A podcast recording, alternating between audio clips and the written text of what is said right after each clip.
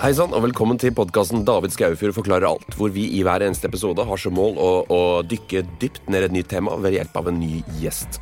Arne Berggren er forfatter, regissør, produsent og showrunner. I tillegg til å ha skrevet en rekke bøker og skuespill har han skapt serier som Hvaler og Dauinger, vært medforfatter på Sex som oss, Taxi etc., og styrt Norges største show, Hotell Cæsar, hvor han i tillegg har regissert. Dette bare for å nevne noe av det han har gjort. I dag skal vi snakke om showrunning. Velkommen, Arne. Tusen takk. Du, Hva holder du på med nå for tiden? Uh, jeg må alltid tenke meg om. Ja. Uh, mange ting på en gang. Hva skal uh, du etterpå?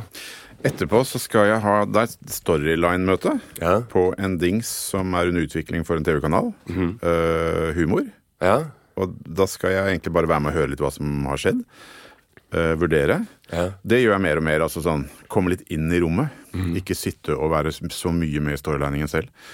Og så skal jeg vel på et møte hvor det er mulig at jeg må være med på en reise som er en dokumentarserie, hvor jeg kanskje må steppe inn og være vikar lite grann. Um, og så vet jeg ikke, egentlig. Nei. Nei. Men du har liksom holder mange ting i utvikling? Ja, jeg syns det, det, er det morsomste. Triveligste. Ja. Uh, greie å få rutiner på å jobbe med mange prosjekter.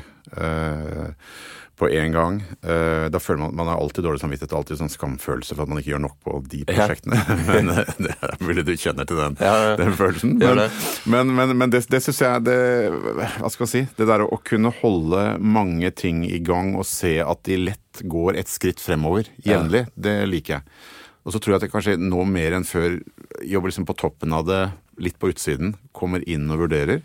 Ikke er så dypt nedi alle prosjektene det, vi hadde jo, altså Forrige episode vi gjorde her, handla om hvordan man fordelte kreativ energi for ja. å maksimere effektivitet eller produksjon. Ja. Er det litt sånn for å kunne ha flere prosjekter i utvikling at du liksom outsourcer det, eller er det Nei, egentlig fordi jeg, jeg, jeg er blitt mer og mer opptatt av liksom det industrielle med idéjobbing. Ja. Eh, fordi øh, det er ikke noe knapphet på ideer. Nei. Før så, så, opplevde jeg liksom at åh, jeg fikk en god idé. Den må jeg, liksom, den må jeg kjele med og holde på lenge med. og mm. Jeg noterte på den og fantaserte om liksom, hvor bra den kunne bli. Og så delte jeg den ikke med noen. Nei. Men mer og mer så skjønner jeg at det å dele det, Altså, ideer stopper ikke. Uh, så jeg blir sånn litt forundret av og til når jeg leser bøker om hvordan du får ideer og hvordan bli kreativ og alt dette her. Fordi det handler vel mer om hvordan, hvordan faen slår du det av? Ja.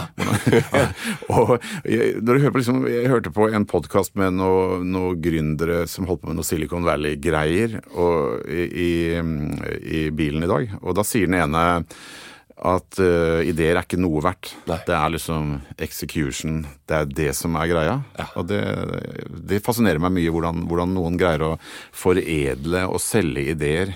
Uh, det er vel liksom Syns jeg er kicket. Hvis man jobber lett, ikke strever, men greier å få mange ting fremover på en gang. Jeg aner ikke på hva jeg svarer, svarer på. Jo, men det, jeg... Du svarte jo det, det, det jeg spurte på, en måte, og det, det der med, med å, uh, at ideer Altså, jeg har kommet til helt samme konklusjonen. Jeg vet ikke om jeg har uh, hørt det sagt eller bare tenkt det selv etter disse årene, at, at ideer er så jævla billige. da. Alle har en idé. Ja. Og når folk kommer til meg på kveldstid etter at jeg har jobba hele dagen med idéutvikling, mm og sier sånn Du har en jævlig god idé. Kan ja. ikke du bare skrive den, så deler vi pengene? Ja. Ikke faen. ja, det For det, det er 99,9% av arbeidet er å faktisk ta det til banken. Da. Det er veldig mange som skal inn i TV-bransjen og så, så, så, sånn, ja, knuger på ideene mm. og tenker at ja, jeg, har, jeg, har, en kjempegod idé. Og det er gjerne en roman eller en dramaserie. gjerne kjempestort. Det er veldig svært. Uh, og de har en for, forventning. Og vi, vi som TV-selskapet, da, vårt, uh, vi har jo vært veldig sånn offensive på å være ute og prøve å fange opp flinke folk. Mm. Men folk tenker jo at vi er ute for å kjøpe ideer. Mm -hmm. og så har de en ja, Det tenker man liksom Jeg har idé til en dramaserie, og så begynner jeg å spørre hvor mye tror du den er verdt? Ja. ja. det er klart at Hvis den blir svær, så er den jo kjempemye verdt. Mm -hmm. ja, Hva tenker du liksom i best case, da? Ja, den er kanskje 300-400 millioner. Ja. Og så sier du ja, i beste fall så er den verdt 5000 kroner. Ja. Kanskje noen er villig til å kjøpe ideen her for 5000 kroner. det er sjokkartet for folk. Men det var, nok, det var nok mer sånn før. Sånn Hollywood kjøpte en pitch. Cowboys and Aliens. Ja. Sånne ting ble jo kjøpt før, da. Mm. Men, men, det gjøres ikke det nå lenger. I hvert fall ikke i Norge. Nei, altså jeg har vært jo det at jeg knytta folk til forskjellige, altså til produksjonsapparater. Og, og, for meg så ser jeg alltid etter folk som har gjennomføringsevnen. Ja. Ikke de som har den der jeg har en idé, For at, eh, jeg driver med apputvikling også. Jeg programmerer det ikke. Jeg, da, da er jeg den som sitter på ideene og får andre til å gjøre det. Og det verste eh, programmører apputviklere vet, er at folk kommer til med en idé, og så skal de dele for at de blir sittende med alt arbeidet. Og de har ideer selv. Det ikke mangel. Den ideen skal være jævla god for å trumfe gjennom, da. Men er ikke gjennomføringsevne et utrolig sexy, spennende ord? Altså, det, er, det er jo ordet. Gjennomføringsevne. Ja, det er det. Noen, noen, noen har det, eller man utvikler det, eller altså, hva, hva, hva, i all verden er det? Hvor kommer gjennomføringsevne fra? Det, det, øh, det fascinerer meg stadig mer og mer. Hvor kommer din fra? Hvor, hvor, begynte liksom du jeg, jeg, tror jeg faktisk har jeg, altså jeg, ja, jeg, tror jeg begynner å bli stolt av å si at jeg har gjennomføringsevne, men du verden så mye jeg ikke får gjennomført. Ja. Men, men, det synes jeg er noe av det spennende med det vi driver med nå, hvor vi prøver å være litt industrielle. Hvordan gjennomfører vi det? Uh, men hva skal man si, hvor kommer den fra? Jeg har aldri tenkt på Jeg har alltid tenkt på, altså Folk spør meg hvor får du alle ideene fra. Ja. Det syns jeg ikke er noe vanskelig. Nei. De er jo bare der. De er, bare å sette seg ned og notere, så, så, er de der. Men, men gjennomføringsevne, det handler vel om det handler vel om å greie å balansere det å få et nei, det å tilpasse seg Jeg tror det har utrolig mye med skikk og bruk å gjøre. Ja. Når jeg snakker til studenter og sånn, snakker jeg mye om skikk og bruk. Det er utrolig upopulært. Men, men det handler vel veldig mye om å bygge relasjoner øh, hva skal man si kapitalisere på de jeg, jeg, relasjonene. Jeg, mm. jeg, merker jeg passer språket mitt nå, for det kan høres så jævlig kynisk ut. Men, Nei, men la oss være kyniske. Bygge, bygge relasjoner, eh, systematisere det. Mm. Uh, komme tilbake til de relasjonene som er gode. Ja. Styre unna de som bare tapper deg. Ja. Uh, jeg tror veldig mange såkalt kreative mennesker, forfattertyper og sånne folk som syns de har mange ideer, bruker utrolig mye tid på å kaste bort energi uh, pga. sitt eget ego gir seg ikke, blir såret. Mm. Jeg merker at jo mindre jeg er opptatt av mitt eget ego, jo mindre det får styre, jo mer jeg blir opptatt av å dyrke de gode relasjonene og gå tilbake der hvor det faktisk var en god relasjon, eh, jo bedre gjennomføringsevne får jeg. Ja. Men jeg synes det er mye som handler om eh, systematikk. Det er mye som handler om skikk og bruk. Men jeg er jo gal alle podkaster og alle bøker som handler om hvordan kan du gjøre mer. Mm. Hvordan kan du nå et mål? Bryte det ned i enkeltdeler. Altså, Hva gjør du som forfatter for å skrive fem sider hver dag? Ja. Eller skrive en roman? Ja, da må du bryte det ned i enkelt, uh, enkeltmål. Og så må du krysse av. Jeg elsker, jeg er gal etter Jeg er sånn to do-list-fetisjist. Ja. Apper alt man kan krysse av. Alt som sier pling. Alt som kommer opp en kurve. Så, så, i TV Wonder så har vi ekstremt mye. Vi er jo tre mennesker. Nå blir vi fire. Men, men uh, vi holder vel på med kanskje 30 prosjekter, hvorav fire-fem er en aktiv utvikling og to i produksjon eller noe sånt. Men utrolig mye statistikk. Ja. Uh, hvor mange, hva er statistikken? Hvor mye går igjennom? Hvis du har ti prosjekter, hvor mange går igjennom? Ja, et halvt. Ja, ikke sant. Ja. Det er der, ja. Noe sånt nå. Eh, er det problem for deg å bruke energi på de som du har, har, du troa på alle? Ja, men tror, vi, vi, blir bedre og bedre på å pælme de fort. Ja. Så vi, vi, har et system der vi det, det, er jo noe vi har lært fra databransjen, fra IT-bransjen. Det derre å sette opp eh, hvor lenge kan prosjektene være i hver fase. Mm. Så vi skiller mellom en, en, en lead. Mm. Her tror vi dette er en bestilling. Dette kan noen tenke seg å ville ha. Vi har grunn til å tro det. Det er ikke bare en idé rett ned fra, fra, liksom fra intet. Uh, og så følger vi det over i, putter vi det over i et spor som vi kaller uh, venterommet. Uh, der kan ting ligge et år. Ja. Men, ikke, men, etter et år så forsvinner det, altså. Hvis vi da tar det ut fra venterommet og over i, i um, pitcher i prosess, så kan det få lov å være der i tre måneder. Mm. Uh, og hvis den er ferdig, så skal den pitches til kanal eller til et forlag eller til en annen som kan tenke seg å kjøpe det innen en nye tre måneder. Og så går det inn i et spor hvor vi er ekstremt opptatt av å følge opp liksom, hva, hva, er neste steg, hva er fristen? Ja. Og ting som ikke, ikke blir gjort innen fristen, pælmer vi. Og det, Vi prøvde bare å lage en rutine på at ting bare forsvinner ut av systemet hvis vi ikke har fulgt opp. For det betyr bare at uh, det er ikke bra nok, det er ikke spennende nok, vi er ikke entusiastiske. Så, så, der har vi en sånn, sånn selv, eh, hva skal man si, selvutplukking, survival of the fittest, på ja. ideene. De forsvinner hvis vi ikke har gjort noe med dem i, måneder, i løpet av tre måneder i den fasen f.eks. Hva skjer med de ideene som forsvinner? da? Kommer de tilbake i andre former et år senere? eller er de, er de borte? Det verste er vi putter dem i en sånn der backburner. Vi putter dem opp i en sånn boks med, med døde ideer. Ja. Eh, og så prøver vi å beskrive hva, hva skjedde, hvorfor mm. døde det. Hva, altså, vi har historien på det. Uh, og det er jo rart med ideer som er gode, de kommer jo ofte tilbake. Ja. Jeg ser jo notisbøkene mine, jeg blar gjennom jevnlig, så ser jeg jo at den ideen som liksom slo ned som et lyn, liksom jeg tenkte faen, er god idé. Jeg ser jo at jeg har fått den jevnlig. En gang i året så får jeg det samme lynnedslaget. Men Blir det sterkere, eller er det, er, det, er det, samme tematikk som du er interessert i? Eller er det liksom, har det med livsfase å gjøre, eller er det, er det samme ideen? Det ja, det er liksom samme ideen. Det slår ned på samme måte. Så det er sannsynligvis bare en kobling som skjer oppi hjernen. Fordi du ikke har fått den ut, eller fordi det er viktig for deg å fortelle det her? Jeg tipper at det er fordi det er noe ved den som er, er viktig. Ja. Og du kan se ideer som kommer liksom over en femårsperiode, så dukker den opp flere ganger. Mm.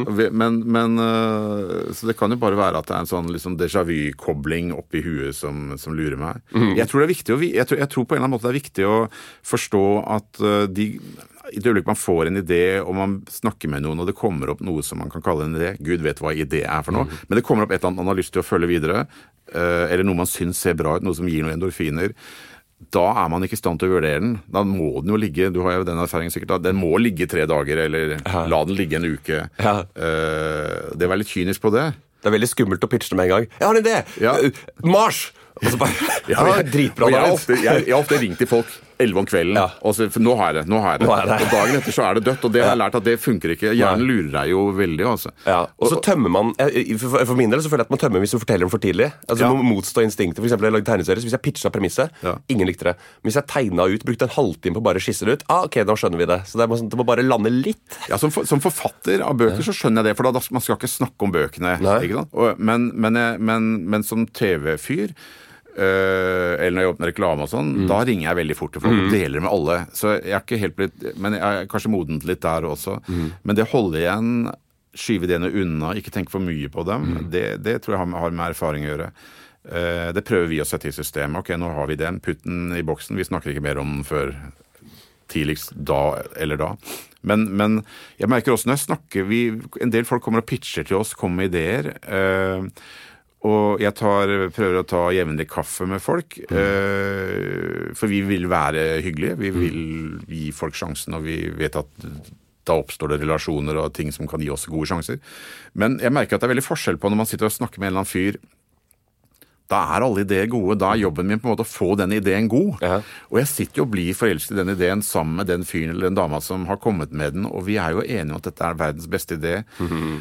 Jeg går som coach jevnlig, og hun prøver å fortelle meg at ja, men du må dempe forventningene. Du må ikke gjøre det, fordi folk blir jo skuffet. Ja. For det går tre dager. Etter tre dager så kan du ringe eller kan du sende mail og si 'nå har jeg ikke tro på det allikevel'. Da skjønner ikke andre hva som har skjedd i mellomtida. Men Er det din oppgave å tone den entusiasmen, eller er det den andre personens oppgave å skjønne at sånn er den fasen, og neste fase er ikke nødvendigvis lik? Jeg tror at proffe folk skjønner det, ja. men veldig mange ikke, har ikke mye erfaring i det. Nei. De tror at de møter en eller annen produsent eller en eller annen fyr i NRK som er entusiastisk. Ja. Så begriper de ikke at entusiasmen er borte en uke etterpå. Nei. De føler seg lurt. Mm. Og da begynner disse egoene våre, liksom disse forfatteregoene eller kreative egoene Da blir man såret. Det er jo en fyr inni meg som tror alt er en konspirasjon, som tror at uh, når jeg får et nei, så er det fordi at folk i NRK, TV 2, TV 3, TV Norge og forlagsbransjen har bestemt seg for å motarbeide meg. Mm -hmm. For jeg er så jævlig spesiell. Mm -hmm. uh, jeg vet jo at det ikke er sånn, ja. men det er et eller annet man uh, jeg vet ikke, jeg tror mange av oss som jobber med de tingene vi er, vi er, Det er jo noe galt. Det er jo noe galt med oss. Det er jo en diagnose. Ja. Det er jo et eller annet Det er jo Jeg mener, du har jo Jeg vet ikke, har du noen diagnose? Har du noe ADHD eller noe sånt? Jeg, jeg har ikke sjekka, men jeg, jeg jeg kjenner jo igjen sånne Tourettes-beskrivelser og ja. Nei, altså, vi kunne sikkert, vi kunne sikkert uh, fått noe hvis vi hadde hatt uh, lyst på det. Ja. Jeg er fullstendig udiagnostisert. Altså, det blir jo Men jeg tror også uh, Hva skal jeg si? At man må ha man må ha den evnen til å få nei tolv ganger og allikevel tenke at fy faen, det er de som tar feil. Jeg må Samtidig sånn Her er en konstant greie for min del. Sånn, nå er det et spørsmål. Da. Når, når, er det, når, er det, når bør man gi opp en idé, og når bør du bare tenke faen heller, alle andre tar feil, og pushe gjennom? For at Man må ha litt av det ene realitetsorienteringen i seg, men man må også ha den drivkraften for å pushe gjennom uh, når man vet at andre tar feil. Når, når, gjør du det ene, og når gjør du det andre? Altså, når legger du noe dødt som ingen andre tror på? Når bare trumfer du det gjennom? Oftere og oftere så pælmer vi ting. Ja. Og jeg syns det er bra at vi er tre. Mm. Det gjør oss sterkere. Vi tenker mer rasjonelt, vi, vi, utfyller hverandre, og vi lager litt prosess på det. Eh, for innenfor den prosessen så kommer det stadig nye ideer, så det er ikke det, er ikke det at det er knapphet på ideene. Men det er en merkelig greie, dette her. og dette tror jeg, Det er derfor det ikke går an å skrive bøker om det eller lære det bort, tror jeg. Fordi, fordi det er en blanding av øh, Hva sier de? Fast to failure. altså Du må pælme det, du må, du må drite deg fort, og så må du lære av feilen. Ja. Samtidig så sier flinke folk med gjennomføringsevne, uh, som jeg hører foredrag av eller leser bøker eller intervjuer med, uh, de, de sier jo at de som lykkes big time, de har jo ikke gitt opp. Så det er jo en merkelig mystisk balanse der som jeg tror man skal være forsiktig med å tro at man kan lære bort. Og jeg har prøvd å lære bort sånne ting. Det går jo ikke. Eh, Jeg har lest hundrevis av bøker om det. Men dette tror jeg er en eller annen sånn skill eller en kognitiv måte å møte verden på. Den balansen. Har også noe med erfaring å gjøre. Eh, ja. Er Sånn, sånn som altså, Hvis man har eh, sånn Steve Jobs-ego, Ja. så gir man jo faen hva alle andre meter, mener, og så får man det gjennomført fordi at man bare er villig til å bulldose gjennom alt som heter rasjonalitet og logikk, og tvinge verden til å forholde seg til en selv. Det er kanskje ikke så lett i TV-bransjen 2016. Nei, men så, så, så leser man Jeg leste en Pixar, historien om Pixar. Ja. Øh, og og, og øh, hvordan Steve Jobs jobbet der. Og hvordan han forteller disse Pixar-gutta at øh, nei, vi ikke fuck med Disney. Vi hater jo Disney, men de kommer til å bli nyttige for, oss på sikt. Vi må bygge den relasjonen. Uh, og hvor han har en Altså, det er en annen Steve Jobs enn den myten om liksom uh, telefonen og eh, liksom design Steve Jobs. Det er en strateg, en fyr som avveier det langsiktige mot det kortsiktige, dyrker ideene, men altså, det virker som han har et eller annet uh, genitrekk der som liksom er litt undervurdert, som vi ikke snakker så mye om. Ja. Eh, men jeg, jeg syns akkurat det feltet her er dritspennende. Men, det, men mer og mer så Jeg skjønner mindre og mindre av det. Jeg, jeg, jeg har stått og undervist på Westerdals, jeg har også liksom sagt sånn er det, det er tre ting som gjelder og sånn, men jeg syns dette blir mer og mer mystisk og, og rarere og rarere og vanskeligere å forklare. Jeg, jeg, jeg tror det har Jeg tror hjernen vår er så komplisert. Jeg tror det er så mange greier som pågår oppi der. Noe av det kan du trene opp, noe av det er, biologisk, noe er du født med. Ja, og det der har jeg veldig lyst til å Åh, det der skal jeg tilbake til. Jeg skal bare følge opp det der med, med Jobs, for han var jo rapper som var Jeg veldig du glemmer- kommer ikke tilbake til det. Vet du. Ja, jeg kommer tilbake til det. vet du. Jeg har, jeg har, har utvikla metoder her. ja, du, altså, lista mi over ting vi skal snakke om, utvider seg for hver Men jeg prøver å holde, holde stammen, da, så får vi følge grenene. Det er bra, jeg er imponert. ok, nå, nå har jeg lovt noe, nå må jeg holde her. Eh, jo, Steve Jobs han, han, i eh, Apple så var han veldig hands on. I eh, Pixar så virka det som han var veldig hands off. At han hadde Ja. en stor respekt for kunstnere.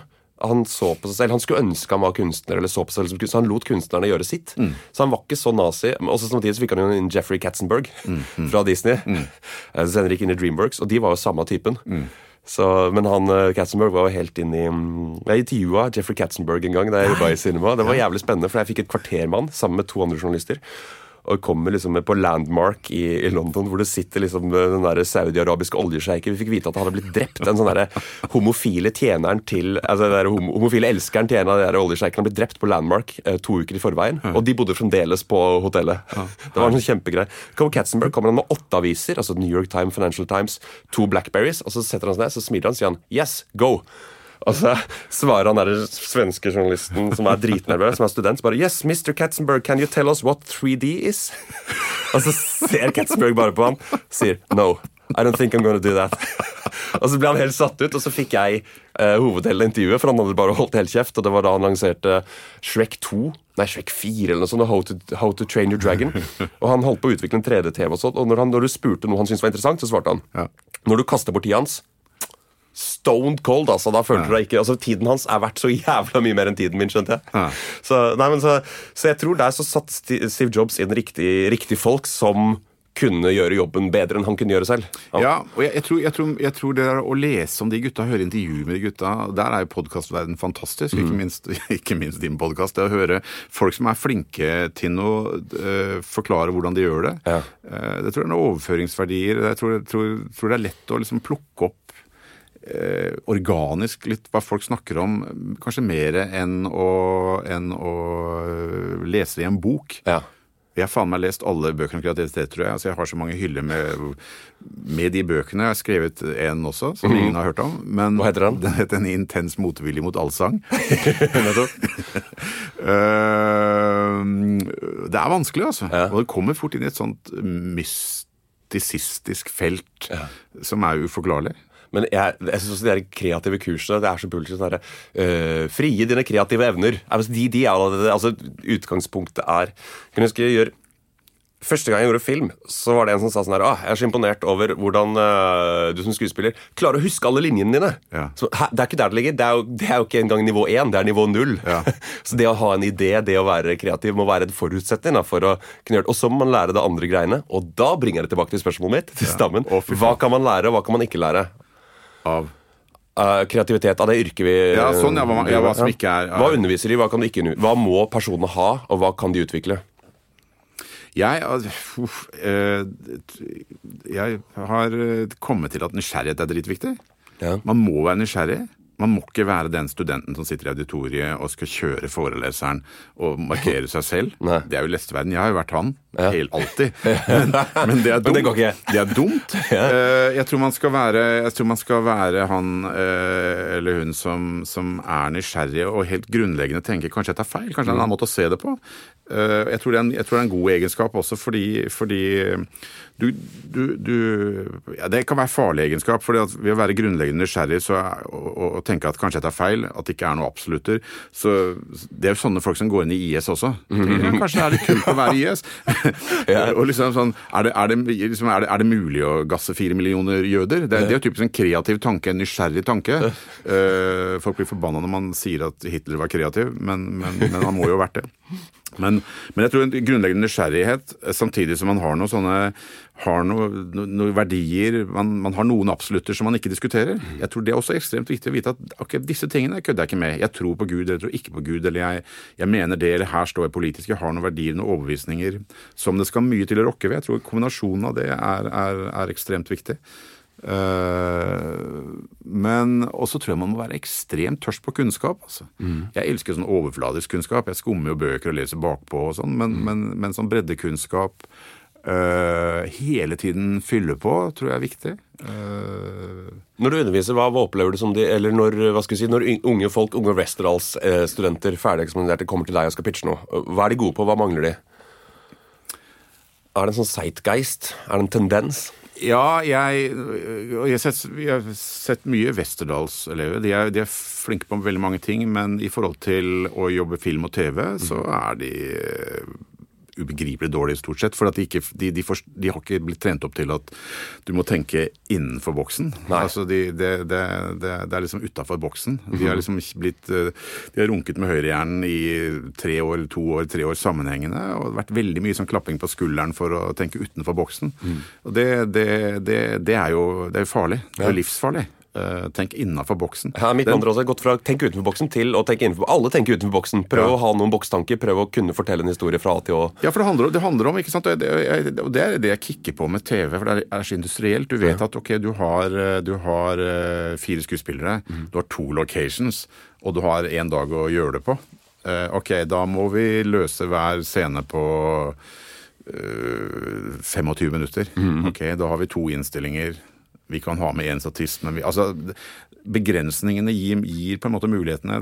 Så, så ved å begynne med begrensningene og Dette er ikke noe nytt, det å si at begrensningene skaper kreativitet. Ja. Men den der myten om å tenke utenfor boksen eh, det er ikke, man, må gjerne, man må gjerne gjøre det, men, men ikke med en gang. Og, og, det gjør Westerdals-folk og unge studenter og litt sånn folk som vil inn i bransjen og pitche. De, de, de kommer løpende med ting som ingen har bedt om, og man aldri har sett før. Mm. Det kan jo være at det går en gang, en av en milliard ganger, så, så er det det man skal ha. Men, ja.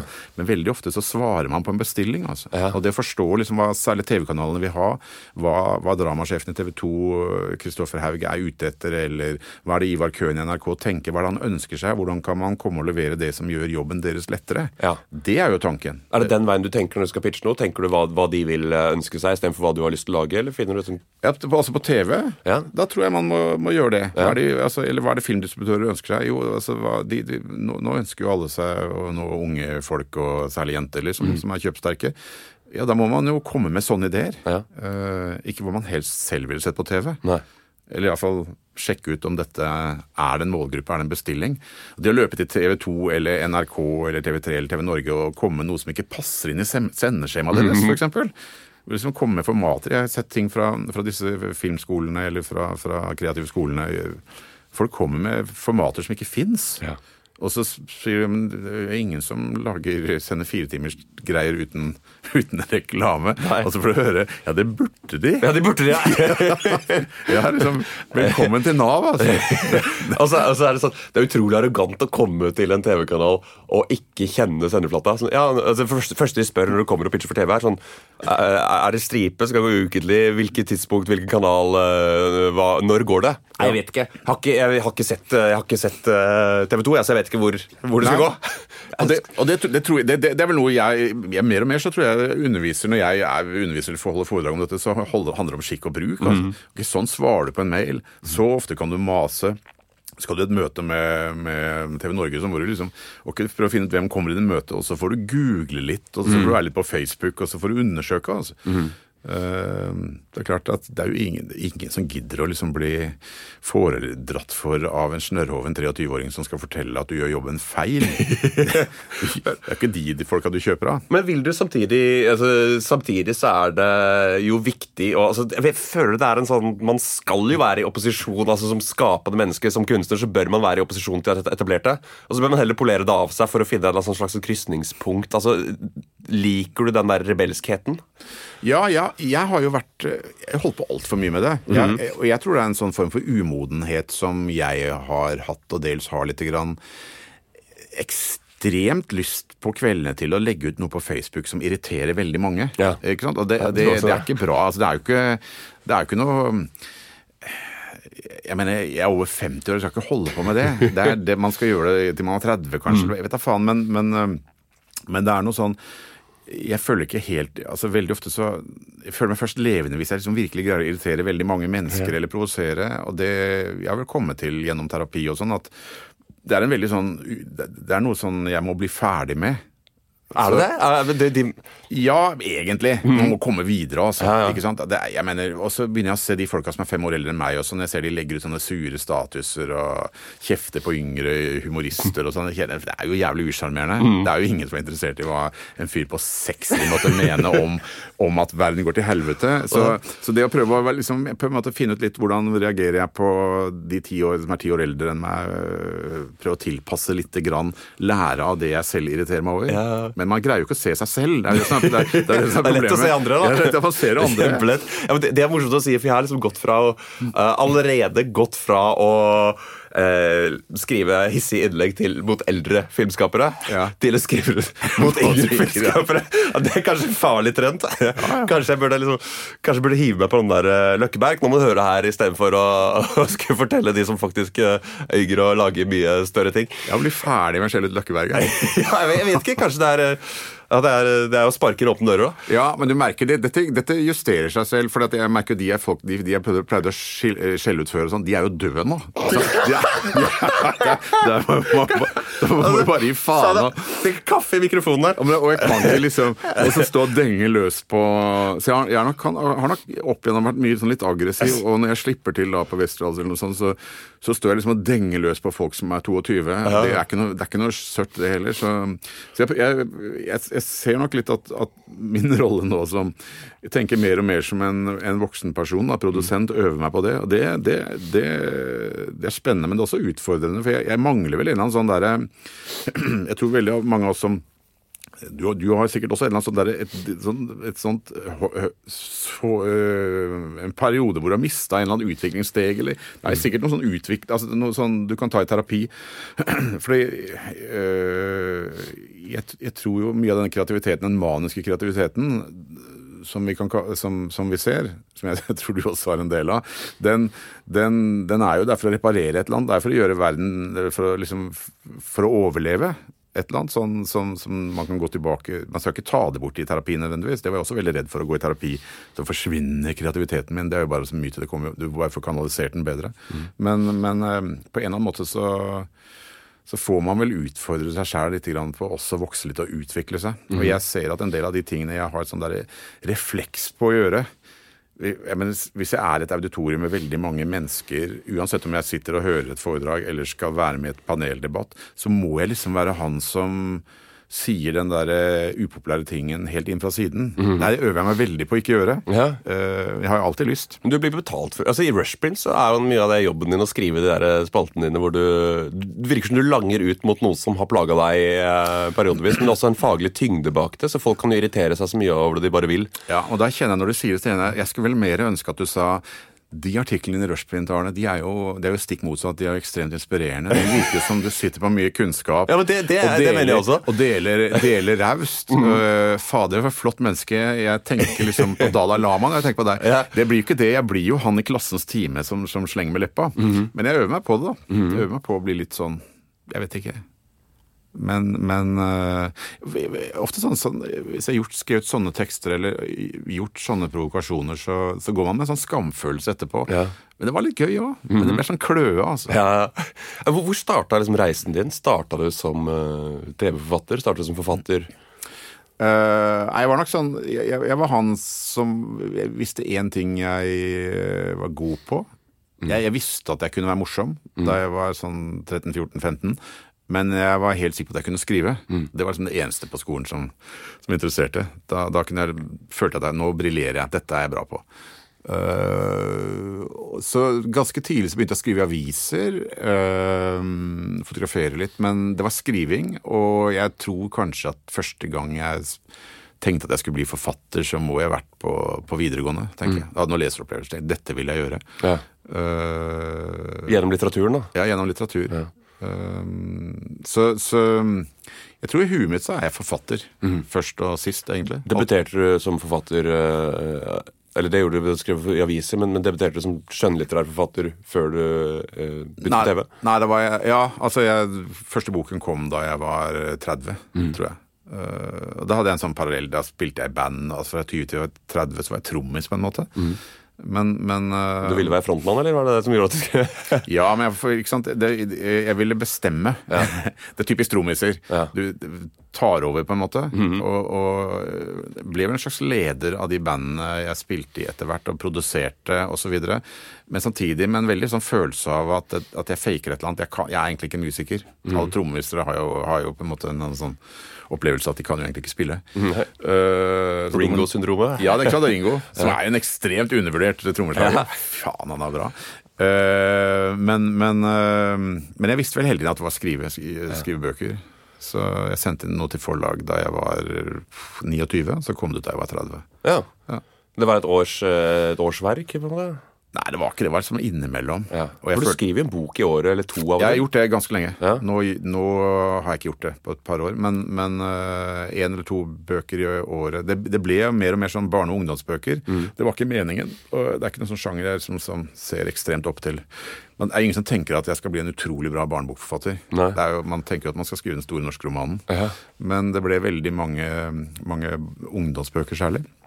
Og så etter hvert så ble det serier parallelt med at jeg skrev TV. Mm. Så nå er det litt sånn blandings. I TV Wonder så gir vi også ut bøker. Ja. Eh, men da under pseudonymet Vera Voss. Hvor mange forfattere er det som skriver eh, Vera Voss-bøkene? Der er vi vært fem stykker. Ja. Ja. Ser de like ut, eller er de prega av de forskjellige forfatterne? Uh, Hvis jeg går inn og leser i forskjellige, ser jeg fem forskjellige forfattere, eller ser jeg i Vera Voss? Uh?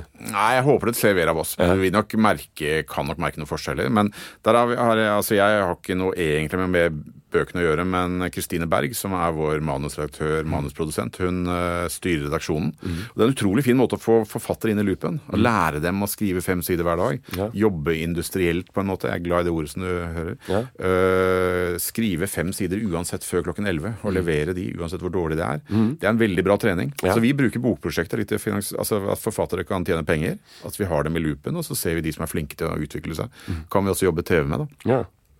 Så det er bra. Så der, der, har, der lønner vi litt forfattere og gjør noe som er litt opplæring, samtidig som vi har nytte av det. Hvor store tenker du at TV Wonder skal bli? Er dere fornøyd med å være et lite uh, selskap, eller vil dere være en, en større mølle?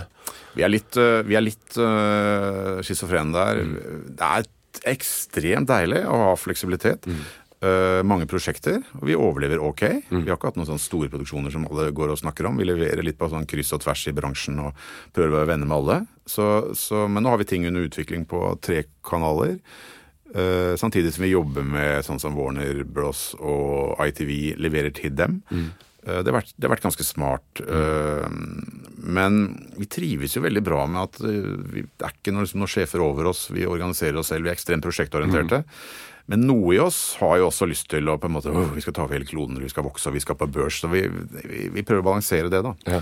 Men uh, nå får vi på en fjerde partner som uh, kommer fra helt andre bransjer.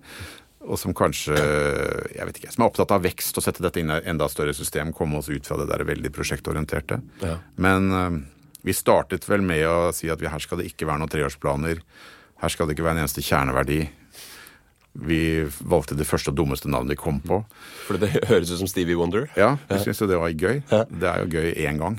Men, eh, men, men, vi er veldig glad i det navnet, da. Men, eh, men ikke noe vi, vi, vet ikke hvordan dette selskapet er om et år eller to. Har ikke peiling. Og det er deilig så lenge vi har Nå har vi vi har vel eh, sånn ettårshorisont. Vi mm. vet at det er, det er ikke røde tall før Altså vi Det går bra. Mm. Vi har ett års trygghet fremover. Og det er vel omtrent det du har i denne bransjen her, enten du jobber for de store selskapene eller, eh, eller, helt alene. Så ja, jeg har stort sett hatt sånn tre måneders horisont i hele mitt liv. Ja. Hvor kommer penga fra over jul? Har ikke peiling. Mm -hmm. det, det, er slitsomt i lengden. Eh, ligger bøkene dine og genererer Ligger ting du har gjort og genererer, genererer penger til deg, eller er det ferdig? Nei, forlagsbransjen er jo en slum når det gjelder å, å faktisk altså Forlagsbransjen fra at man hadde en backlist som solgte litt og litt i mm. pocket og sånn på 90-tallet, så er forlagsbransjen nå blitt en sånn ferskvaregreie. Ja. Så det, jeg føler at bøkene er ikke ute før de sier nå må vi makulere restopplaget. Mm. Uh, men det tusler og går litt. Uh, jeg får mer på Tono-penger på band jeg har vært med ja. i, enn jeg egentlig gjør av de 30 35 bøkene som er kommet ut. Okay, så Selv på 35 bøker så er ikke det noe du kan, du kan ikke legge deg ned og bare cashe inn på de? Nei. Nei. Nei. Og, jeg, og, det er jo trist. Og det er her forlagsbransjen virkelig har lagt seg på ryggen og er klar for å bli å si, voldtatt eller overkjørt ja. av andre. Her kommer det jo nå, altså. Virkelig. Bokhandelen er jo liksom gitt bort alt det de var gode på. Mm. Troverdighet osv. Og, så og så kommer jo Amazon og Backlist tilbake. Mm. Så jeg tror eh, Men de store forlagene sitter jo på svære banker av god litteratur ja. som de kan gjøre noe med. Det er vel det som gjør at de kommer til å overleve. tror jeg. Men Cæsar og, og Hvaler, er det noe revenue på de? Når Cæsar går liksom for 34. gang i Latvia, får du noe spenn for det, eller? Nei. Øh, den går vel ikke noen andre steder heller, tror jeg. Men, ja. øh, men Cæsar er sånn, når man kommer inn der, så har du ingen rettigheter i sekund, Altså ingen sekundærrettigheter. Nei. Det har vel Peter Falk og Christian Vikander, mm. og det har de fortjent. Så de, de, de har vel hele tiden hatt Tipper jeg. Ja. Det vet jeg ikke, men jeg tipper at de har hatt noen jevne inntekter av den serien. Det forandra seg Skuespillerforbundet også. Jeg er ikke helt sikker på hvordan det har vært det, men som skuespiller i Cæsar så hadde du plutselig fikk du en liksom sånn der pose når det ble sendt på nytt et eller annet annet sted. Ja. Nå blir du kjøpt ut, så vidt jeg har skjønt, i hvert fall i veldig mange andre show, så blir du kjøpt ut alle rettigheter, alle flater. Ja, og her står jo de store debattene nå. Som, som opphavsmann skal du, eller som deltaker eller utøvende, skal, hva, hva, hvilke rettigheter skal du gi fra deg? Hva skal mm. du la Filmforbundet eller Dramatikerforbundet forvalte og sånn? Så det er, det er, spennende tider. Det, gjelder, det, er, det, er, smart å sette seg inn i rettigheter. Altså. Mm. Ja, veldig.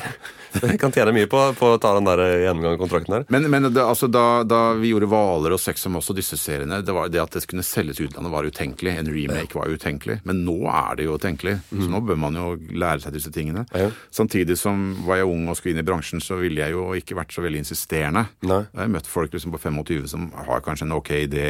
De har skrevet litt, det er noe man kunne faktisk selge til et stort selskap, men de oppfører seg så vrient og krever så mye at de kommer ikke på skuddhold engang. Altså. Det, det, er dumt. Ja, det er vel liksom som det andre showet du skal kreve penger for, ikke første. Da skal ja, du bare ta det. Hva, hva var første showet ditt? Åssen kom du inn i TV-verden? Jeg kom inn ved at jeg uh, begynte først å jobbe med spillefilm. Jeg syntes det var helt jævlig. Mm. Uh, ble ikke invitert på sett engang. Fikk lov å komme Ja, du kan komme torsdag 21. Mm -hmm. Da har vi en bra catering, forresten. ikke sant? Altså, ja. Var den typen. Så jeg bestemte meg veldig for at dette skal jeg ikke gjøre mer. Eh, jeg begynte å jobbe med teater. Syntes det var dritspennende. Mm. I teatret så møtte jeg en regissør som het Per Olav Sørensen. Ja. Som var tenkt annerledes vi begynte vel omtrent altså, Han hadde regi på noen noe sketsjegreier, noe, noe, en sketsjeshow med, med, Lisa Tønne og Kjersti Elvik og Hilde Lyron. Mm. Nei, TV 2 ville liksom på en måte ha, ha, uh, ha en sånn sketsjeserie ja. med de tre damene. Hvilken var det? Det var Sex om oss. Det var Sex om oss, ja. ja og så så hadde jeg akkurat sett Cold Feet, britiske. Mm -hmm og var veldig fan. Og så kom Per Olav og ville ha tekster, mm. og så, så, så, begynte vi å dra det mot en slags sånn humordrama. Ja. Noen sitcom-greier. Uh, og ja, altså TV-bransjen var jo liksom på en måte veldig sånn uh, I urtida, liksom, i forhold til TV-serier. Uh, så det ble en TV-serie ganske fort. Ja. Og jeg merket jo fort at jeg elsket jo den hastigheten. Du kunne komme inn i klipperommet, du ja. fikk innflytelse. Du, du kom så ofte du ville på sett. Jeg hadde jo ikke noe særlig makt, jeg var bare medskapende forfatter. Mm. Men uh, jeg ble veldig forelsket i den bransjen. Fordi at det var på en måte et forfatterens medium? Det var forfatterens ja. medium, og, du, og, og, Per Olav utviklet seg til en veldig god regissør underveis, og vi lærte. Ja. Men dette, dette, kan jeg også gjøre. Jeg kan også ha regi. Hva er det produsenten gjør for noe, egentlig? Og ja. Så møtte jeg, en, møtte jeg, en, fyr som het Jens Øvrebø, og som sammen med Christian Hoberstorfer, de jobbet på Rubicon mm. på den tiden. Her, nå er vi, Jeg snakker sånn midten av 2000-tallet, tror jeg. Jeg husker vi satt og spiste karbonadesmørbrød på Grang, og så sier Jens og Christian eh, TV er forfatternes medium. De hadde vært i USA, mm -hmm. de hadde sett på NYPD Blues og liksom hadde godt gjort disse studiene der borte. Og kom tilbake og sa at her kan man jobbe seg oppover. Det er et hierarki. Ivar Køen eh, på NFI ble mer og mer interessert i dette her. Det begynte å bli et miljø som begynte å dyrke den der forfatteren som produsent. Mm. Uh, og det, jeg syns det har vært utrolig gøy å være med på uh, en sånn, se en sånn utvikling og få lov å være, være, en del av det. At forfatteren får mer makt, at du faktisk kan uh, Jeg er glad i altså ordet makt, syns jeg ikke er så veldig farlig. Det er det ja. det handler om. Ja, ja. og jeg tror at jeg oppfordrer liksom alle forfattere til å liksom Skaff deg den makten, skaff deg erfaring, kom på sett, dra i kablene, bli kjent med staben, bygg, bygg posisjon, relasjon. Eh, for det er ikke så veldig vanskelig som man tror. Nei. Eh, spillefilm er jo regissørenes medium, men TV er jo forfatternes. Altså. Ja. Og det er rett og slett dritgøy å få lov å være involvert i alle, alle ledd. Men som medskaper i Sex om oss altså, så er det et eller annet som Vi hørte et nylig et intervju med BJ Novak, som skrev og var skuespiller i The Office, som plutselig står som produsent i The Office. Det var på Tim Ferris sin podkast, hvor han står som produsent, og Tim Ferris spør hva, hva, hva vil produsent si? Så svarer BJ Novak nei, produsent i The Office er high level writer. Ja. Uh, er det sånn i Norge òg? Nei, det er ikke det. altså. Og vi har ikke helt funnet systemet og kontrakten og, og benevnelsene. Jeg har brukt showrunner mye, men, ja. men mange syns det er veldig amerikansk og litt sånn eplekjekt. Ja. Men, men uh, jeg tror den der automatiske krediteringen som du får, mm. hvor du liksom blir koprodusent og forfatterprodusent i USA, den, den har vi ikke i Norge. Men, men øh, jeg tror jo den derre Altså gå opp og være Første gang ble jeg koprodusent. Jeg sa mm. til TV 2 kan jeg få lov å være koprodusent. Mm. Jeg, vil, jeg vil bli showrunner. Mm. Og da sa de veldig tydelig at det er ingen som har den erfaringen i Norge at de kan være liksom showrunner-produsenter. Uh, veldig sånn catch 22. Du, du kan ikke, du kan ikke få den erfaringen før du har Nei. den erfaringen. Så der, der begynte jeg å jeg altså, på å insistere, og ble ekstremt politisk. Mm. Ble ekstremt taktisk. Mm. Uh, og gjorde noen heldige ting og møtte da hyggelige folk i TV 2 som lot meg få en sjanse osv. Ja. Måtte begynne å lære, så jeg kunne kalle meg koprodusent på Hvaler første sesong. Uh, hva, nei, sesong, sesong, der, hva var forskjellen på å skrive og Coop? Hva var det du gjorde som gjorde altså, at Nei, Sesong én så kom jeg ned, dro jeg ned på sett og sånn. Jeg følte mm. at jeg hadde ikke noe der å gjøre. Jeg var bare en tulling. Mm. Uh, fikk lov å kikke litt i monitor. Jeg kjente ingen. Ja. Uh, sesong to, da hadde jeg blitt koprodusent. Uh, da sørget jeg også for å tuske til meg litt regi. Mm på noen episoder som ikke var så farlige. De tre første av de tre siste. Drit, ja. altså, da, da, får du ikke lov, men ja. innimellom driter jo alle i det. Så Maggie Bergheim eh, lærte meg Jeg som gikk litt i regiskole, hang på henne, hun hang på meg, og så dro hun. Sa nå, nå, har, du, nå, nå har du staben, her har jeg sett det. Ja. Uh, og det var skummelt, altså. Mm. Uh, men, men, uh, men, så gikk det et par dager, så hadde man det i blodet. Mm. Så var det ikke så dritvanskelig. Men, men da, da, var jeg såpass at jeg Da fikk jeg liksom en godt gått i alle produksjonsmøtene, sittet i alle møtene, jobbet med fotografene, jobbet med rekvisitørene osv. Folk begynte å spørre meg. Det var nok mer fordi jeg hadde regi enn at jeg var koprodusent. Mm. For det dreit de. Mm. Men regissøren står jo midt inne i navet, og, og, alle kommer til med spørsmål. Det er spennende. Ja. Selvfølgelig veldig slitsomt. Men uh, etter at jeg gjorde det, så tenkte jeg at det er ikke noen vei tilbake. Det er dette jeg vil gjøre. Mm. Jeg kan ikke liksom skrive på andres serier Jo, det kan jeg gjøre. Jeg kan være liksom underleverandør, levere episoder, skrive dialog. Mm. Men liksom sånn skrive en hel serie, føle at det er min serie, og så la noe annet ha regi på det, ikke få innflytelse, Nei. det tror jeg ikke jeg kan gjøre mer. Nei. Da du eh, tok over Cæsar, ja. uh, etter Var det etter, etter, etter Dauinger? Ja, rett etter mm. Dauinger. Ja. Uh, Som du også var, du var forfatter? Ja, der var jeg ordentlig, der, der var jeg liksom fullblods showrunner og hadde også litt grann regi. Men, men, men Dauinger var fint. Det er vel den serien jeg føler, altså, er fornøyd med. Uh, hele, jeg føler at her fikk jeg det som jeg ville. Jeg ja. kan ikke skylde på noen. Nei. De feilene som ligger der, er mine egne. Uh, men, men, så hørte jeg jo at de manglet en kreativ produsent på Hotell Cæsar. Mm. Uh, jeg begynte å fiske litt med Anne Kolbjørnsen, som var produsenten der. Jeg snakket med Lasse Hallberg, som var sjef for Metronom og, og Rubicon. Og jeg fikk vel nei hele tiden. Du vil ikke inn der, vi vil ikke ha deg. Jeg var, jeg var, jeg var, ikke, jeg var ikke, ønsket. Men jeg begynte nei. å insistere. Etterpå føler jeg at jeg liksom ble lurt med sånn, sånn uh, negativ forsterking. Liksom. Nei, du vil ikke dette, Arne. Du greier jo ikke det. Men så, så bestemte de seg for å gjøre opprette en skikkelig showrunner-stilling. Altså, de, de, slo sammen to De slo sammen kreativ produsent og manusprodusent. Ja. Manusprodusenten har alltid stått veldig sterkt på Cæsar. Ja. Uh, men nå ga de til og med manusprodusenten mer makt. Altså fikk også kreativ, altså den kreative produsenten produsentens makt. Eh, så jeg begynte å insistere, altså. Men jeg gikk jo i møter hvor jeg på en måte var totalt uønsket. Men til slutt så mm. fikk jeg tilliten hos TV 2. Men showrunner-stillingen, var det du som fikk oppretta stillingen, eller oppretta de den, og så kom du inn i den? Altså I og med at du hadde fått showrunner Nei, de hadde bestemt seg. De hadde bestemt, seg sånn, I prosessen så hadde de bestemt seg at nå, nå, nå Eh, altså, Cæsar har jo på en måte hele tiden måttet fornye seg. Ja. Og de har gjort forskjellige grep hele tiden. Eh, man kommer jo bare inn på en maskin som er, har vært i forandring. Mm. Kommer man inn der og tror at nå liksom for Første gang skal man forandre serien, så tar man jo feil. altså. Så Cæsar har vært gjennom utrolig mange sånne transformasjoner som er imponerende. Mm. Uh, Ole Marius Araldsen, som var manusprodusent der, uh, han, da jeg begynte, han hadde laget et system hvor forfatterne plutselig skrev fem episoder etter hverandre. Genialt. Mm. Det var en ekstremt sånn sjokk for kulturen, for man skrev én og én episode. Uh, sånne grep har man gjort hele tiden da, for å, for å få serien til å overleve og fornye seg. Eh, Kjetil Indregard var manusprodusent der en periode. Han gikk ekstremt langt i å liksom gjøre den ikke spekulativ, men gikk, det, var skyting med AG3-er, alt man kunne drømme om ja. å gjøre. ikke sant? Liksom De plaffa ned hele cast i resepsjonen og sånn. Folk hoppet ut av takene, og det var brutalt. Det var mye sex og mye sånne Var det en drømmesekvens, eller var det en ja, dette var liksom De drepte folk? Ja, ja. Var det for at skuespilleren skulle ut, eller? ja, det? det, må man jo alltid gjøre. liksom På slutten av sesong så må du jo alltid gjøre den spektakulære før, før kontraktene fornyes. Ja. Alle skal føle seg utrygge. Det er liksom del av sjangeren. Men eh, så, så, man kommer jo inn der som forfatter. Veldig mange har gått fra Cæsar og oppover i verdikjeden på dramaverden. De har gått liksom fra å liksom, jobbe på Cæsar, være manusprodusenter, og f.eks. bli dramasjef, som Kristoffer Haug på TV 2. Mm. Eh, eller Ole Marius Haraldsen, som nå er, er showrunner, drama, kreativ produsent på, på Rubicon. Så mange går oppover. Ja. Men jeg gikk den andre veien. Jeg kom liksom fra serier, hadde mine egne serier, og gikk liksom ned til Cæsar, ja. tenkte jeg. Ja. Litt sånn pompøs. Jeg tenkte nei, jeg kom vel nå med en kompetanse. Jeg liksom gave til forfattermiljøet. Mm.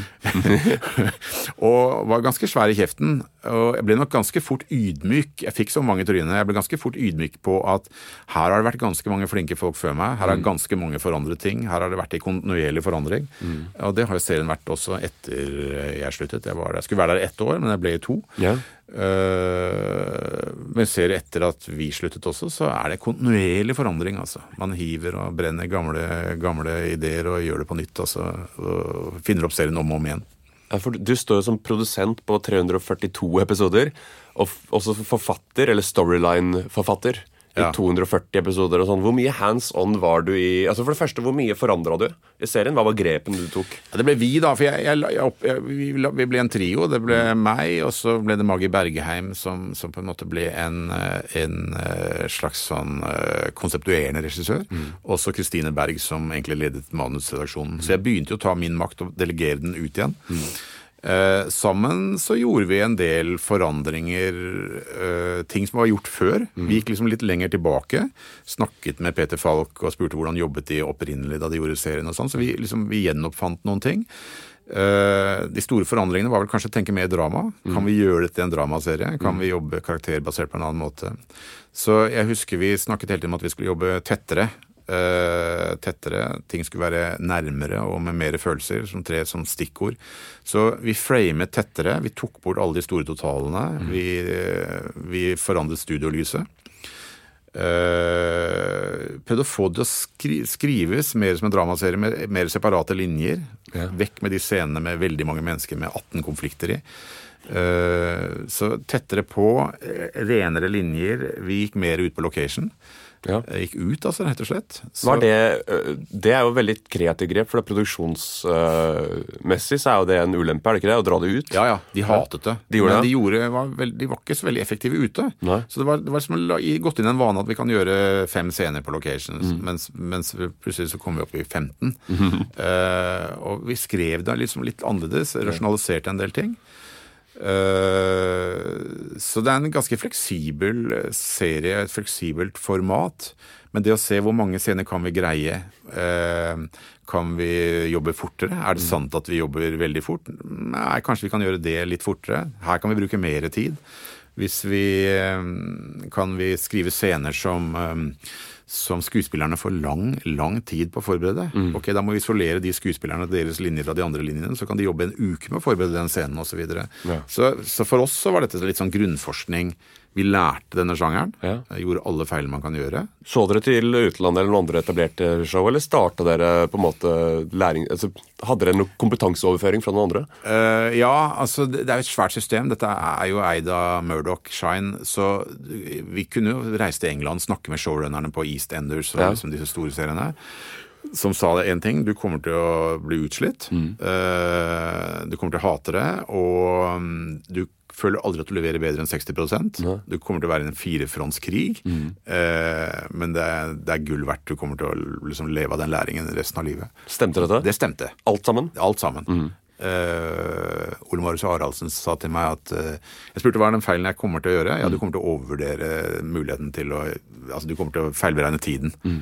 Du har mye dårligere tid enn du trodde. Mm. Så det, det, er, det, er sånn, det, er, det, er, et adrenalinkick, for du, du, du, du, våkner opp seks om morgenen og begynner å stå aleine. Mm. Uh, du, blir aldri ferdig. Det kommer alltid et nytt tog ut av tunnelen. Du bare løper langs et sånt jernbanespor i, i, i to år. Uh -huh. uh, så det er en kontinuerlig prosess. Det er en, en sjokkartet prosess. Jeg tror ikke man skal gjøre det mer enn to år. Uh, og det sier jo folk også. Altså, for helse eller for kreativiteten? Ja, Begge deler. Ja. Jeg tror ikke du skal jobbe på en sånn serie mer enn to år heller. Jeg, jeg tror at uh, de som er innom der, lærer, er der et par års tid, mm.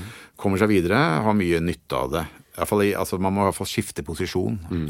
Men skrive Cæsar og leve av det i 15 år, det, det, tror jeg ikke eh, er lurt hvis du har andre ambisjoner. Nei. Men det er jo selvfølgelig en veldig Det er ålreit betalt jobb. Mm. Det, er, det, er, det, vært et veldig fint sted for, for, for forfattere. Hvem skriver for Cæsar, og hvordan kommer det inn i systemet? For det er jo Norges liksom, forfatterskole nummer én. Omtrent. Ja, har, og det har vært det. Og det var noe som jeg satt min ære i å prøve å synliggjøre det enda litt mer. Mm. Jeg hadde jo hørt det, det var derfor jeg ville være der selv. Eh, det var galskap å ikke være innom en sånn serie hvis man vil jobbe som forfatterprodusent, f.eks. For eksempel. Uh, mye tilfeldig etter noen som kjenner noen. Altså, det var ikke veldig mange som skrapte på døren der. Uh, skuespillerstudenter, westerdalsfolk og sånn, de, de, de, kom ikke til, kom ikke til Cæsar. Veldig få. Mm. De få som har vært der og, og, og, sånn, har jo For det har vært et lite miljø. Mm. Relativt lukket. Så at det ikke sto 30 stykker i kø til enhver tid og ville inn på Cæsar, syns jeg var veldig veldig rart. Er det for at såpeserier eh, eller sånn evige serier ikke har høy status i Norge? Jeg har ikke høy status. Eh, vi skjønte ikke at det er der David Chase og liksom alle showrunnerne kommer fra i USA. Mm. De har jobbet på sånne serier.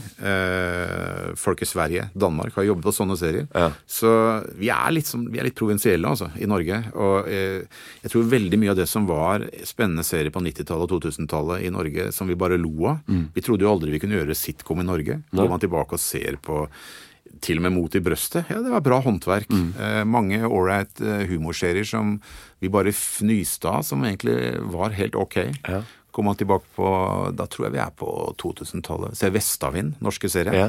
Den er fantastisk bra. Du, den var, den var ti da jeg så den. Sånn, men, ja, den er, den, den, den, og Fredrikssons fabrikk, den har jeg sett. Den, den holder jo Det er jo gøy, ikke sant? Ja, kjempe. Det er jo noen Fleksnes-episoder også som er ja, dritbra. De ligger på NRK-appen nå. Herregud. For, og, og, en annen ting også, hvor uh, billig Altså, Det var én lokasjon, så står han og moderen og bare krangler og prøver, klarer å ikke komme inn en dør og bruker en halvtime på det, og det holder uh, ja, de, Og de hadde en toakter i en heisen. Den ble jo sendt, ble aldri sendt, men den ble sendt nå for et halvt år siden. Men den ligger ute nå. Ja, kjempebra. Mm. Men uh, hva, hva, liksom, hvordan jobber man konkret med CS? Altså, det er jo et enormt uh, apparat, men også, altså, storyline er jo så lange. Når det kommer inn en forfatter Må de vite alt om uh, Hvordan jobber en forfatter i Cæsar? Skriver de hver episode? Må de gjøre research for å se alle episodene? De kan jobbe på forskjellige nivåer, men det var det første man, man kan bare glemme å prøve å lese opp på serien. Ja. Uh, det, det, går ikke. Uh, skuespillerne, har, noen har vært der i 15 år. Mm. De minner deg hele tiden på at Nei, kan ikke, jeg kan ikke gjøre det for, for, for fire år siden. Mm. Så sa jeg nei til å investere i et akkurat sånt prosjekt. liksom. Ja. Så Noen ganger må du bare drite i det, andre ganger så er det nyttig informasjon. Det er ganske mange fans. Mm. Jeg tror alle med Aspergers uh, ser på Cæsar, har jeg inntrykk av. Og de har utrolig kunnskap. Har du prøvd å bruke de? Ja, ja, du kan sende ut en mail, og så får du med en gang svar. Ja, altså, hvor mange, mange bryllup har vi hatt? De svarer med en gang. Altså. De gjør det? Ja da. Og vi hadde til og med altså, iherdige fans, altså morsomme typer, inn i storyline-rommet. Ja. De kommer med like bra ideer, de, som, som, som vi kom med. Uh, så, så Funker det å bruke fansen som Å ta dem med bak? Ja, litt, lite grann. Ja. ja de, blir jo, de, blir jo, veldig gira, da, selvfølgelig. Mm. Men, men, det fins en bra bank. Det, liksom, det er noen som lager sånn Cæsar, Wikipedia, som skriver ned alle episodene. Ja. Uvurderlig hjelp. Det er fans som skriver. Det er fans, ja. Så dere går til de og gjør research for deres egen serie? Ja, der, der, der ligger, det ligger ute, alt som har skjedd. altså. Mm. Uh, så du finner veldig mye i backstory, men man må jo liksom bare slippe tak i det som har vært. Mm. Eh, så jobber man med kanalen veldig mye. Eh, vi, du, du, selger inn en sesong. Mm. Eh, to sesonger, faktisk. Du selger inn du selger inn 170 episoder av gangen. Mm -hmm. Storyline er det. Altså, vi tror det skal handle om det, vi tror den store konspirasjonen er det, osv. Så, videre. så har man tre-fire hovedlinjer. Ja. Når det er godkjent av kanalen, mm. så, så, begynner man å, å, å, skrive en long term storyline mm. på dette. Da har du kanskje et par-tre beats per episode mm. på linjen. Eh, så har du kanskje egne folk som jobber storyline på episodeplan, ja. og så dialogforfattere. Så dialogforfatterne kommer du inn liksom på bånn der, rett inn fra gata, så, så, får du en storyline. Du får et manus som er ja, ferdig formatert. du, du får inn og ut. Ja, inn og ut, og hva hver eneste scene skal handle om. Ja. Det er vanskelig nok, altså. Ja, ja. du må jo kjenne karakteren også litt for å kunne skrive til de Ja, ikke sant. Så du, skal liksom forberede deg lite grann. Mm. Uh, jeg skrev tre-fire sånne manus uh, var i dag jeg ble ordentlig tent mm. på å jobbe med Cæsar, fordi jeg tenkte dette kan jeg gjøre med bind for øya. Ja. Det kunne jeg ikke, altså. Ikke, jeg fikk en ferdig storyline, og det var forbanna vanskelig å finne flyt i det. Så det lærte jeg, lærte jeg mye av. Hvor lang tid har du på å skrive en sånn episode? Uh, og Gud, nå husker jeg ikke. Men det er klart at det, det spilles inn én episode om dagen. Det er såpass, ja? 23 minutter. 23 minutter om dagen, ja. ja. Så det betyr jo at alle gjennom hele produksjonen bør ligge i den samme hastigheten. Mm. Så, så, jeg tror du, du må storyline på, på det planet, mm. i den farten. Eh, det gjelder hele produksjonen, altså, ja. rett og slett. Er det halsbrekkende, eller det, finner du roen i, i, den type miljø? Nei, det er halsbrekkende. Mm. Det er helt sinnssykt halsbrekkende. Mm. Og du, som, som, showrunner så har du, har du som tre-fire kriger gående. Mm. Eh, blir ikke så populær som man trodde man skulle bli. Eh, jeg husker, altså, Og det stopper ikke. Du, du kan ikke ta deg pause. Så du står alene på julaften. Jeg lå oppi en søppelbøtte og kastet opp mens jeg dikterte storyline en gang. Eh, jeg trodde jo faen meg jeg skulle daue. Mm. Man blir så sliten. Men, eh, men det er, altså, er maraton én gang i uka, liksom sånn jevnlig. Ja. Kanskje nesten hver dag.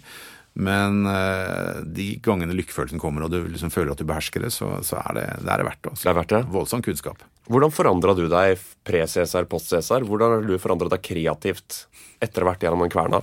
Blitt mye mer eh, selektiv. Ja. Mye flinkere til å hive ideer. Blitt mye mer opptatt av relasjoner. Mm. Eh, gode relasjoner. Styre unna ting som uh, ikke gjør meg bra. Mm. Så blitt mye mer ydmyk i forhold til det å ha makt. Hva gjør det med folk?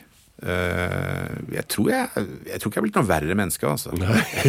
det, det, tror jeg ikke. Ikke veldig mye bedre, men jeg tror ikke jeg er blitt noe verre. Jeg tror jeg, jeg ble ydmyket så mye. Jeg fikk såpass mye motstand og var i såpass mange kriger at jeg så at uh, uh, Nei, man, man, har makt, og det betyr noe. Det kan gjøre en forskjell. Mm. Så jeg sløste mye med energi til å begynne med. Men jeg har nok blitt mer verdsetter gode relasjoner, gode prosesser, enda mer. Ja.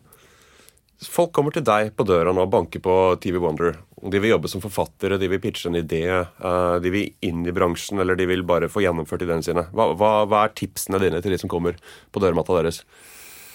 Gjøre research, være nysgjerrig, mm. lære seg skikk og bruk. Mm. Stille spørsmål, mm. notere. Ja. Høre hva folk sier til dem. Komme tilbake. Alltid levere litt bedre enn eh, forventet. Litt mm. mer enn forventet, ikke bedre. Ikke være redd for å vise ting som ikke er helt ferdig. Eh, dele, tror jeg. Mm. alt det som handler om, tror jeg egentlig være et godt menneske. Alt det som det egentlig var meningen å selge gjennom Bibelen. Altså det derre være, være, nysgjerrig, dele med andre, være raus, se andre mennesker. Være forutsigbar. Mm. Bygge gode relasjoner. Det tror jeg er viktig. Prøve å liksom pumpe ned sitt eget e-, ego. Mm. Pumpe ned er dårlig ord. Pumpe ned luften av det. Slippe luften ut av det Kanskje. Men må man også pumpe det opp av og til? Må du kalibrere egoet ditt uh, i forhold til uh... Nei, jeg tror man må Jeg tror det er noe annet. Jeg tror man må, men Da er vi inne på sånn selvfølelse og ego. Jeg mm. tror ego ødelegger. Jeg tror ego mm. skal bort, altså. Mm. Der, der, der, tror jeg man kan lese litt zen-buddhisme eller litt, mm. sånn, litt sånn Jeg mener hva det måtte være for å, for å bli en bra For å overleve i en bransje tror jeg man må liksom ikke tro at ego er viktig. Få det vekk. Mm. Bygg heller det motsatte. Det er jo selvfølelse. Og hvordan blir man en god forfatter? Hva er det som din hovederfaring etter alle årene og den mengde produksjonen du har hatt? Uh, ja, jeg føler meg ennå ikke som en god forfatter. Jeg føler at faen, jeg begynner å skjønne noen ting nå. Ja. Men jeg, jeg, jeg, jeg, tror på nysgjerrighet, øve, få motstand, gjøre seg uh, Stille seg laglig til for kritikk. altså Tåle å ta kritikk. Ja. Spørre andre mennesker, altså. Henvende seg til folk. Mm. Det tror jeg folk under liksom 30 oftere kan gjøre. Ringe noen, spørre om å få en kopp kaffe, stille tre-fire spørsmål. Mm. Det er folk sier ja? For folk sier ja. Ja, de gjør det. sier, altså, ikke sant? Og det, er, det er ikke sikkert det er meg man ville gått til først og fremst, men jeg syns det er forbausende få som gjør det. Mm. Og de to-tre stykkene man møter i et auditorium av 100 studenter som tar kontakt etterpå, det er jo de man ser igjen i bransjen. Ja. Ja, Det kjennetegner vel folk. Har du, ja, du er, er jo, jobber jo med 18 forskjellige ting parallelt. Mm. Har du vært en fyr som har vært redd for å spørre andre? Nei, aldri. Jeg har ikke, ikke vært redd for å bli avvist, og det har blitt jævlig mye avvist. Og det er også, Jeg har også kommet tilbake hvor de av de som har avvist meg, på et eller annet tidspunkt har kommet og bedt meg jobbe for de senere. Ja, Og det gjør jævlig vondt å bli avvist, ja, ja, men, man, men, man, trener seg på det. Ja, det er, eh, det er kverna, altså. Den skal vi alle gjennom. Ydmykelser. Ydmykelser, ja. Tusen takk for at du kunne komme. Takk for at jeg fikk komme. David Skaufe forklarer alt produseres av både og. Bak spakene sitter Magnus Andersen. Du må gjerne gå inn på Facebook og like gruppa vår, som heter David Skaufe forklarer alt. Der kan du også sende en beskjed om det er noe du har lyst til å høre, eller om du har tilbakemeldinger til eh, podkasten. Du kan høre oss på iTunes, hvor du også gjerne må legge en liten hyggelig eh, rating eller beskjed om du likte det du hørte. Du kan også høre oss på Spotify, Tidal og Google Play. Det var alt for denne uke. Vi høres neste gang. produsert av Ord og